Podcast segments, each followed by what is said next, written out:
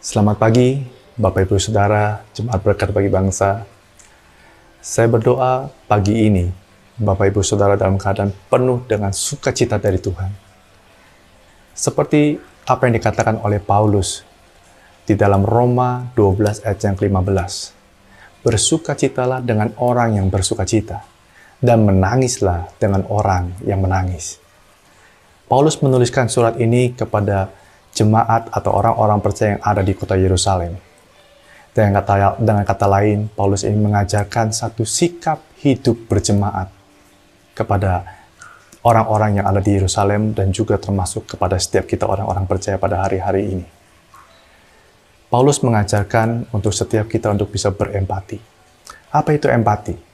Empati adalah bisa merasakan memikirkan apa yang orang lain rasakan dan memikirkan apa yang orang lain pikirkan. Bukanlah satu hal yang mudah. Tapi ketika kita bisa merasakan atau memiliki pemikiran apa yang orang lain sedang rasakan dan pikirkan, itulah empati. Di dalam kehidupan kita berjemaat, terkadang sangatlah mudah buat kita untuk memiliki satu asumsi. Sangatlah mudah untuk setiap kita memiliki pemikiran-pemikiran yang kurang baik mengenai saudara-saudara kita, orang-orang yang ada di samping atau di sekeliling kita. Paulus mengajarkan, milikilah empati. Ketika Tuhan Yesus ada di tengah-tengah dunia ini, Tuhan Yesus pun mengajarkan hal yang sama.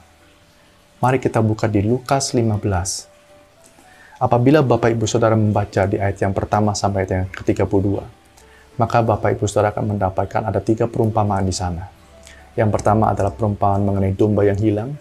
Yang kedua adalah perumpamaan mengenai dirham yang hilang. Dan yang ketiga adalah perumpamaan mengenai anak yang hilang. Sebelum Tuhan Yesus mengungkapkan perumpamaan ini, di ayat yang pertama sampai, sampai ayat yang ketiga, ada satu kejadian, mari kita baca. Para pemungut cukai dan orang-orang berdosa biasanya datang kepada Yesus untuk mendengarkan dia. Maka bersungut-sungutlah orang-orang Farisi dan ahli-ahli Taurat. Katanya, ia menerima orang-orang berdosa dan makan bersama-sama dengan mereka. Lalu ia mengatakan perumpamaan ini kepada mereka. Jadi pada waktu itu Tuhan Yesus duduk dan makan bersama pemungut cukai dan orang-orang berdosa. Dan ketika orang-orang Farisi dan ahli-ahli Taurat lewat melihat itu, mereka bersungut-sungut dan mengatakan, dia ini duduk bersama dengan para pendosa dan pemungut cukai. Pada waktu Tuhan Yesus melihat mereka bersungut-sungut, lalu Tuhan Yesus mengatakan perumpamaan ini. Jikalau kamu punya seratus ekor domba, yang satu hilang, tidakkah kamu akan meninggalkan yang 99 dan mencari yang satu? Jikalau kau punya 10 dirham, dan kamu kehilangan satu dirham, bukankah kamu akan membersihkan rumah untuk mencari satu dirham yang hilang tersebut? Dan jikalau ada satu orang anakmu yang pergi meninggalkanmu, dan pada akhirnya kembali, bukankah kamu sebagai seorang bapak akan bersuka cita karena dia telah kembali kepadamu. Mungkin bagimu, orang-orang berdosa ini, para pemungut cukai ini, tidaklah berharga di matamu. Tapi ketahuilah, bagiku, mereka sangat berharga. Mereka adalah orang-orang yang terhilang. Mereka adalah orang-orang yang telah pergi, tapi mereka mau kembali. Apa yang berharga bagiku, tidak berharga bagimu apa yang tidak berharga bagimu, itu sangat berharga bagiku. Atau dengan kata lain, saya ingin menjelaskan ke kembali. Terkadang kita tidak pernah mengerti apa yang orang lain rasakan.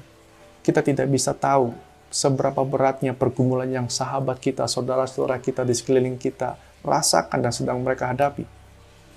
Tapi marilah kita belajar hidup untuk mengesampingkan, menghilangkan setiap asumsi atau pemikiran yang buruk tapi pikirkanlah apa yang baik. Pikirkanlah apa yang mulia, apa yang patut dipuji, apa yang disebut kebajikan. Dan mari kita miliki sikap berempati satu kepada yang lainnya.